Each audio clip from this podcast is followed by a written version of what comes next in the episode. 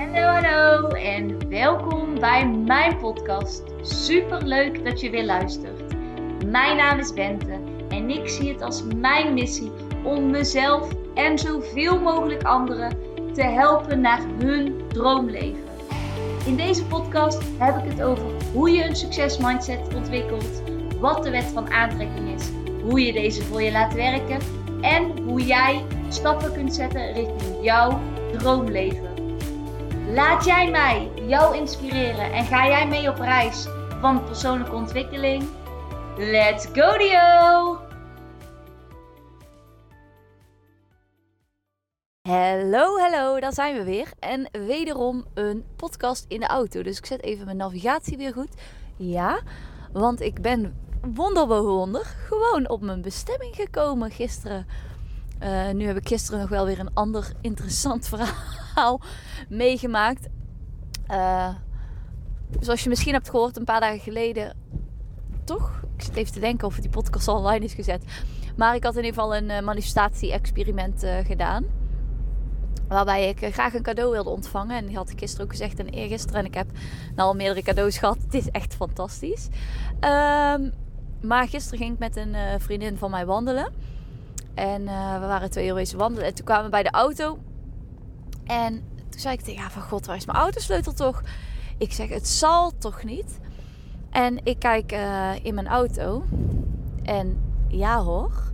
Ik heb twee uur lang mijn sleutel in mijn auto laten staan. En niemand is eraan gekomen. En alles stond er nog. Dus ja, als je het dan hebt over een cadeau, dat is best wel een cadeau op zich. op een parkeerplaats waar heel veel mensen uh, komen. Dus ik zei voor de grap van ja, ik ben echt Gods favoriet. Maar uh, ik zei dankjewel universum. Dus tot zover mijn cadeau van gisteren.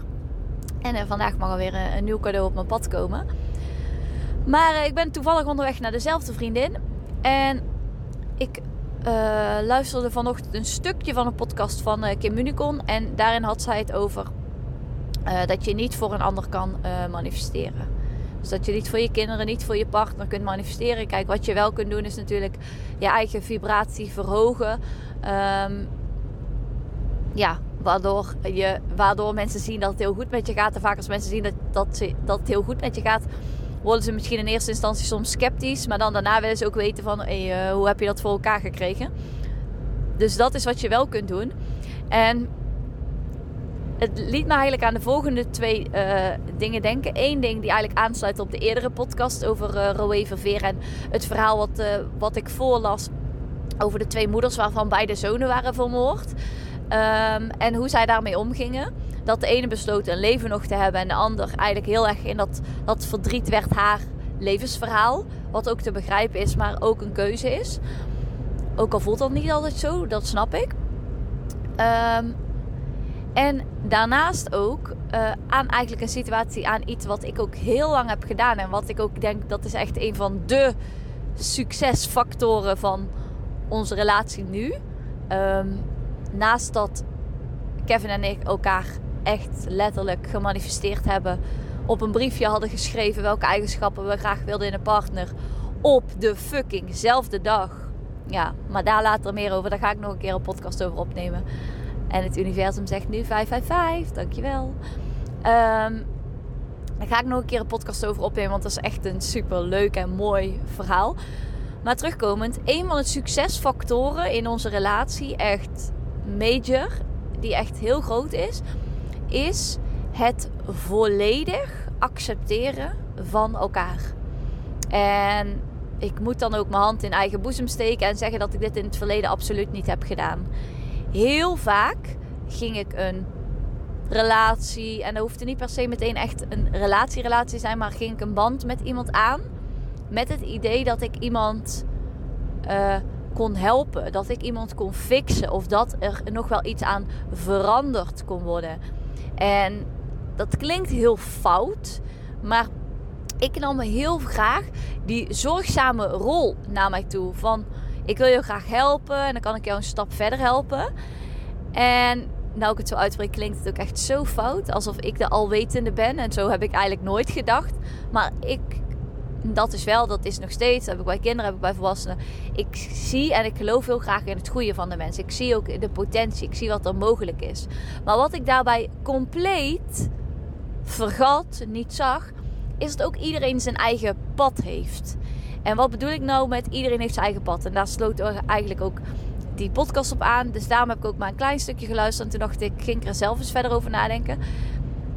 Je kunt niet manifesteren voor je partner, voor je kinderen, omdat zij hun eigen pad hebben. Zelfs als zij kiezen om het verkeerde pad op te gaan, in jouw ogen, dan nog kun je daar niks aan veranderen. En vaak is het zo, hoe erger je er tegen vecht, hoe groter de kans is dat je kind ook daadwerkelijk dat zal doen. Wat is dan belangrijk? Het is vooral belangrijk dat je je kind liefde geeft. Dat je je kind laat weten dat welke keus hij of zij ook maakt, dat die keuze goed is. En dat mensen, kinderen, maar ook volwassenen, het idee hebben dat ze zelf een keuze maken. En dat is ook de reden waarom je nooit een verandering kunt opleggen bij een partner. Op de lange termijn zal dat altijd clashen en klappen.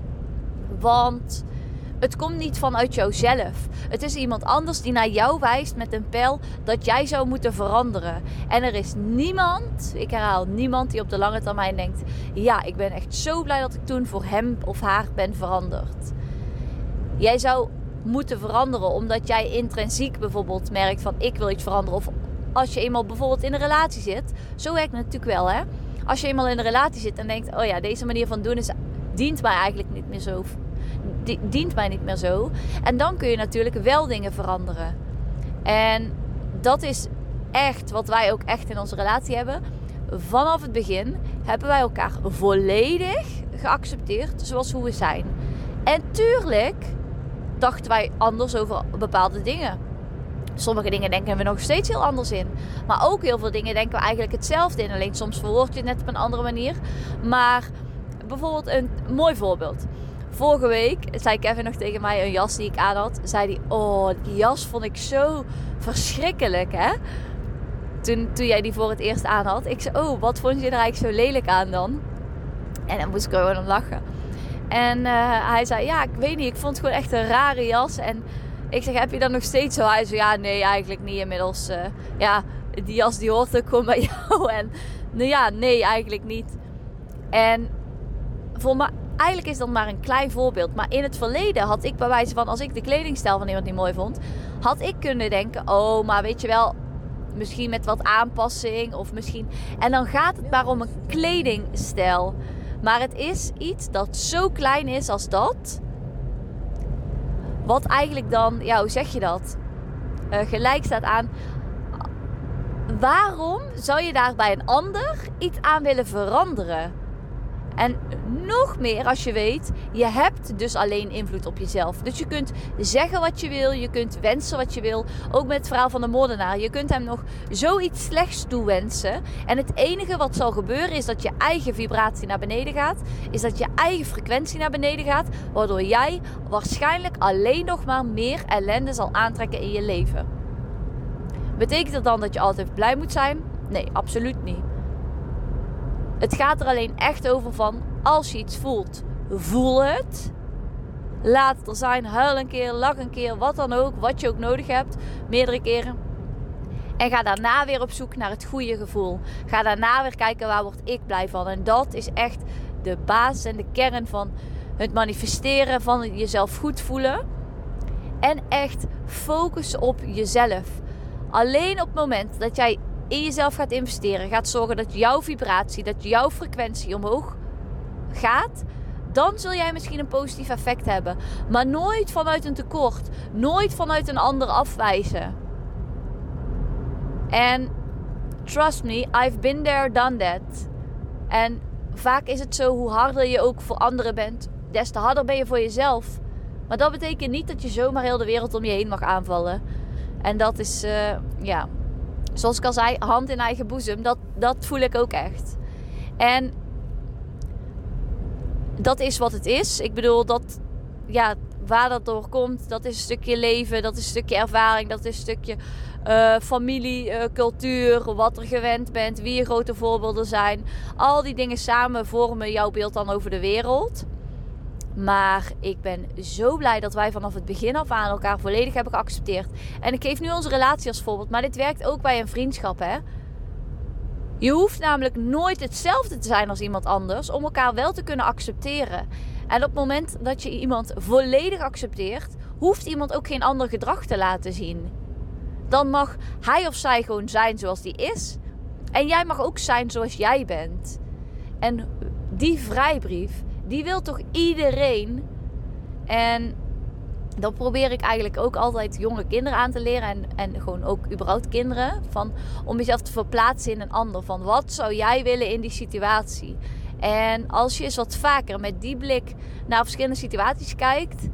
Denk ik dat je heel veel inzichten kan geven over jouw eigen gedrag. Maar ook in je eigen gedrag naar anderen toe. En wat jij misschien in de toekomst op een andere manier aan zou kunnen vliegen dat, uh, ja, dat, dat, dat was hem eigenlijk. Dat was denk ik het belangrijkste wat ik wilde delen.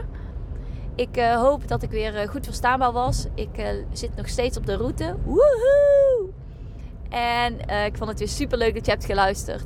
Ik barst, wil ik zeggen. Ik weet niet of het goede, goed Nederlands is, maar goed. Ik barst echt van de inspiratie. Ik heb deze week nou, ik denk al acht podcasts opgenomen. Dus we kunnen komende tijd weer eventjes vooruit.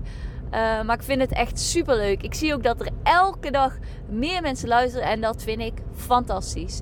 Dus laat het mij zeker weten als je nog een leuk onderwerp hebt. En anders tot de volgende keer. Doei!